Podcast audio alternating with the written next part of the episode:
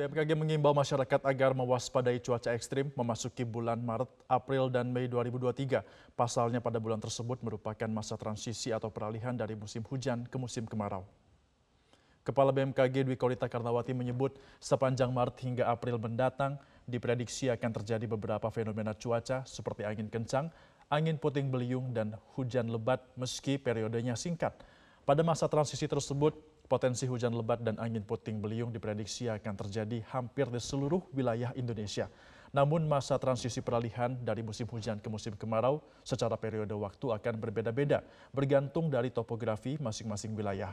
Tahun ini diprediksi iklim Indonesia akan mengalami pergantian menuju musim kemarau pada bulan Juni 2023, di mana potensi terjadinya El Nino sebesar 50 persen musim kering di Indonesia nantinya juga akan terasa lebih kering dibandingkan tiga tahun terakhir.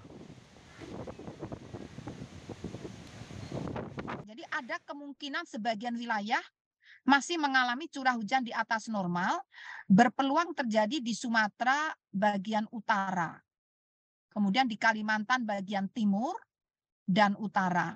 Itu pada bulan eh, Februari Maret. Kemudian curah hujan yang kategori di bawah normal itu berpeluang di bawah normal artinya di bawah rata-rata eh, eh, normalnya berarti curah hujannya relatif turun itu berpeluang terjadi di sebagian Sumatera bagian tengah.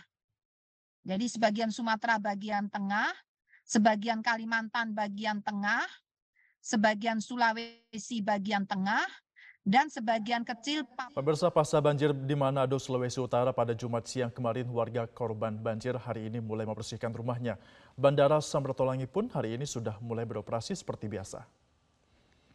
Sejumlah warga di Kelurahan Komo, Kecamatan Wenang, Kota Manado mulai membersihkan si rumah dari sisa banjir dan endapan lumpur. Pada Jumat siang kemarin rumah warga di lokasi ini diterjang banjir dari luapan air sungai Miangas. Meski mengaku khawatir dengan adanya banjir susulan dari luapan sungai, warga tetap membersihkan rumah mereka.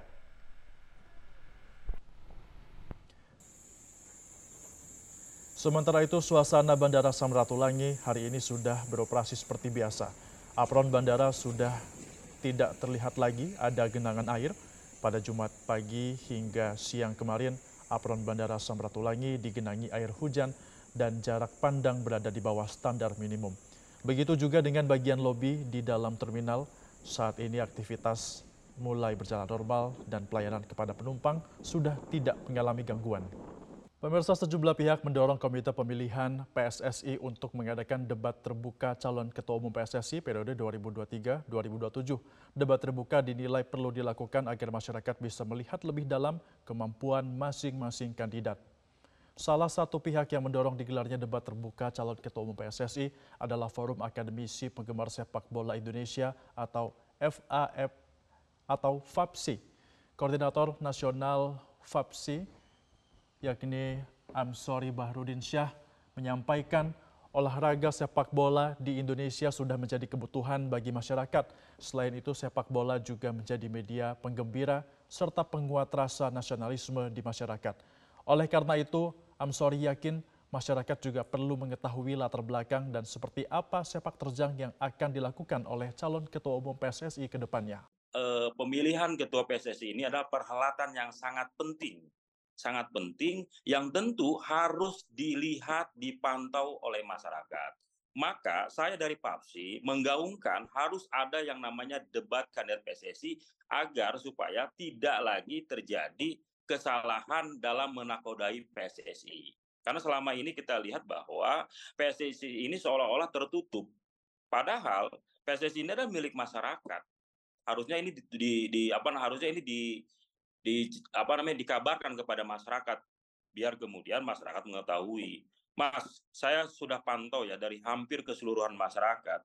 Yang paling utama kebutuhan masyarakat itu adalah hiburan sepak bola.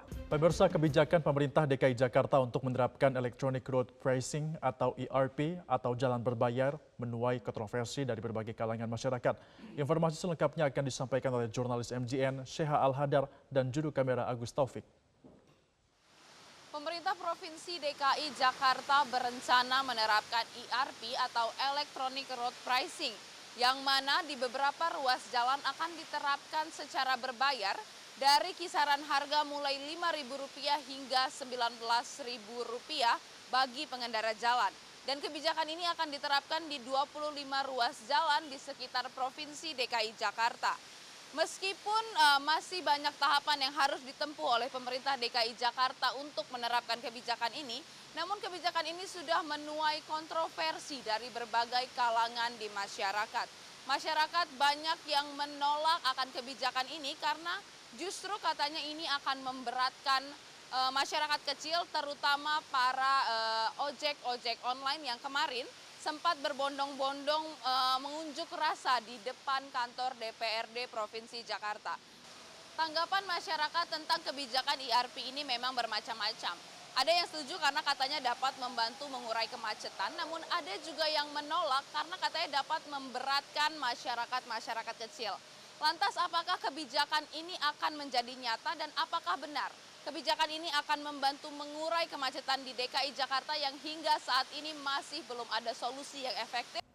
Pemirsa penetapan tersangka mahasiswa Universitas Indonesia yang tewas akibat ditabrak oleh pensiunan polisi kini berbuntut panjang. Keluarga menolak mediasi dengan pihak pelaku dan membuka peluang mengajukan pra peradilan terhadap penanganan kasus tersebut. Hal itu disampaikan kuasa hukum almarhum Muhammad Hasyah dalam jumpa pers yang digelar pada hari Jumat, Gita Paulina, kuasa hukum keluarga menganggap bahwa ada sejumlah hal yang tidak jelas dalam penanganan kasus tersebut. Sehingga perlu ada upaya hukum yang akan dilakukan, misalnya pra peradilan terhadap penanganan kasus ini di pihak kepolisian. Beberapa hal yang menjadi catatan keluarga, di antaranya langkah polisi yang diduga tidak melakukan pemeriksaan secara komprehensif terhadap pelaku yang merupakan pensiunan polisi berpangkat AKBP. Salah satunya dengan tidak membuat tes urin pasca kejadian.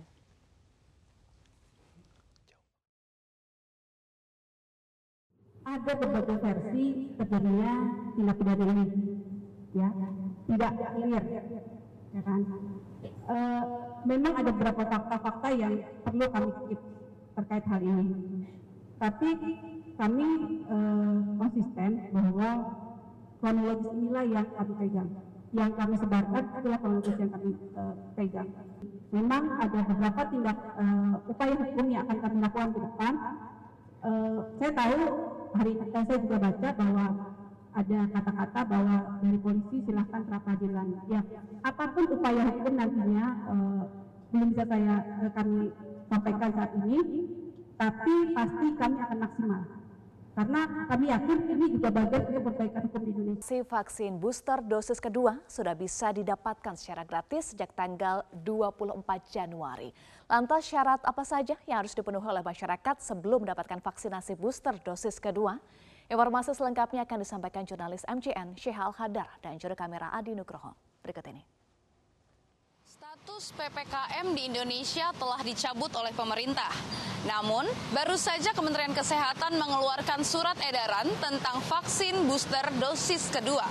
Lantas, mengapa saat ini walaupun PPKM telah dicabut namun vaksin booster kedua tetap dilaksanakan? Pihak dari Kementerian Kesehatan menyebutkan bahwa vaksin booster dosis kedua ini digunakan untuk mempercepat uh, penyelesaian pandemi dan menuju ke endemi.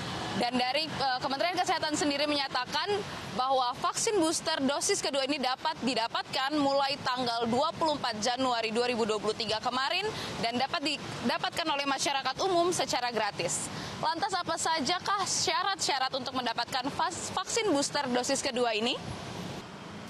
Ada empat syarat yang harus dipenuhi oleh masyarakat umum yang ingin mendapatkan vaksin booster dosis kedua. Yang pertama adalah berusia 18 tahun ke atas. Masyarakat umum yang ingin mendapatkan suntikan vaksin booster dosis kedua harus di atas usia 18 tahun, sehingga yang di bawah usia 18 tahun belum boleh mendapatkannya.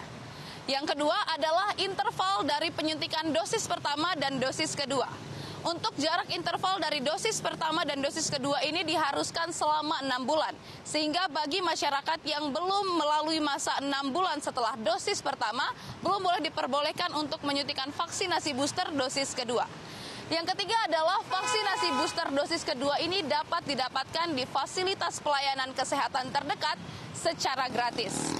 Dan yang terakhir adalah pastikan vaksinasi yang Anda dapatkan mendapatkan persetujuan penggunaan dalam kondisi darurat yang dikeluarkan resmi dari BPOM atau Badan Pengawasan Obat dan Makanan. Maka tunggu apa lagi segera dapatkan vaksinasi booster dosis kedua.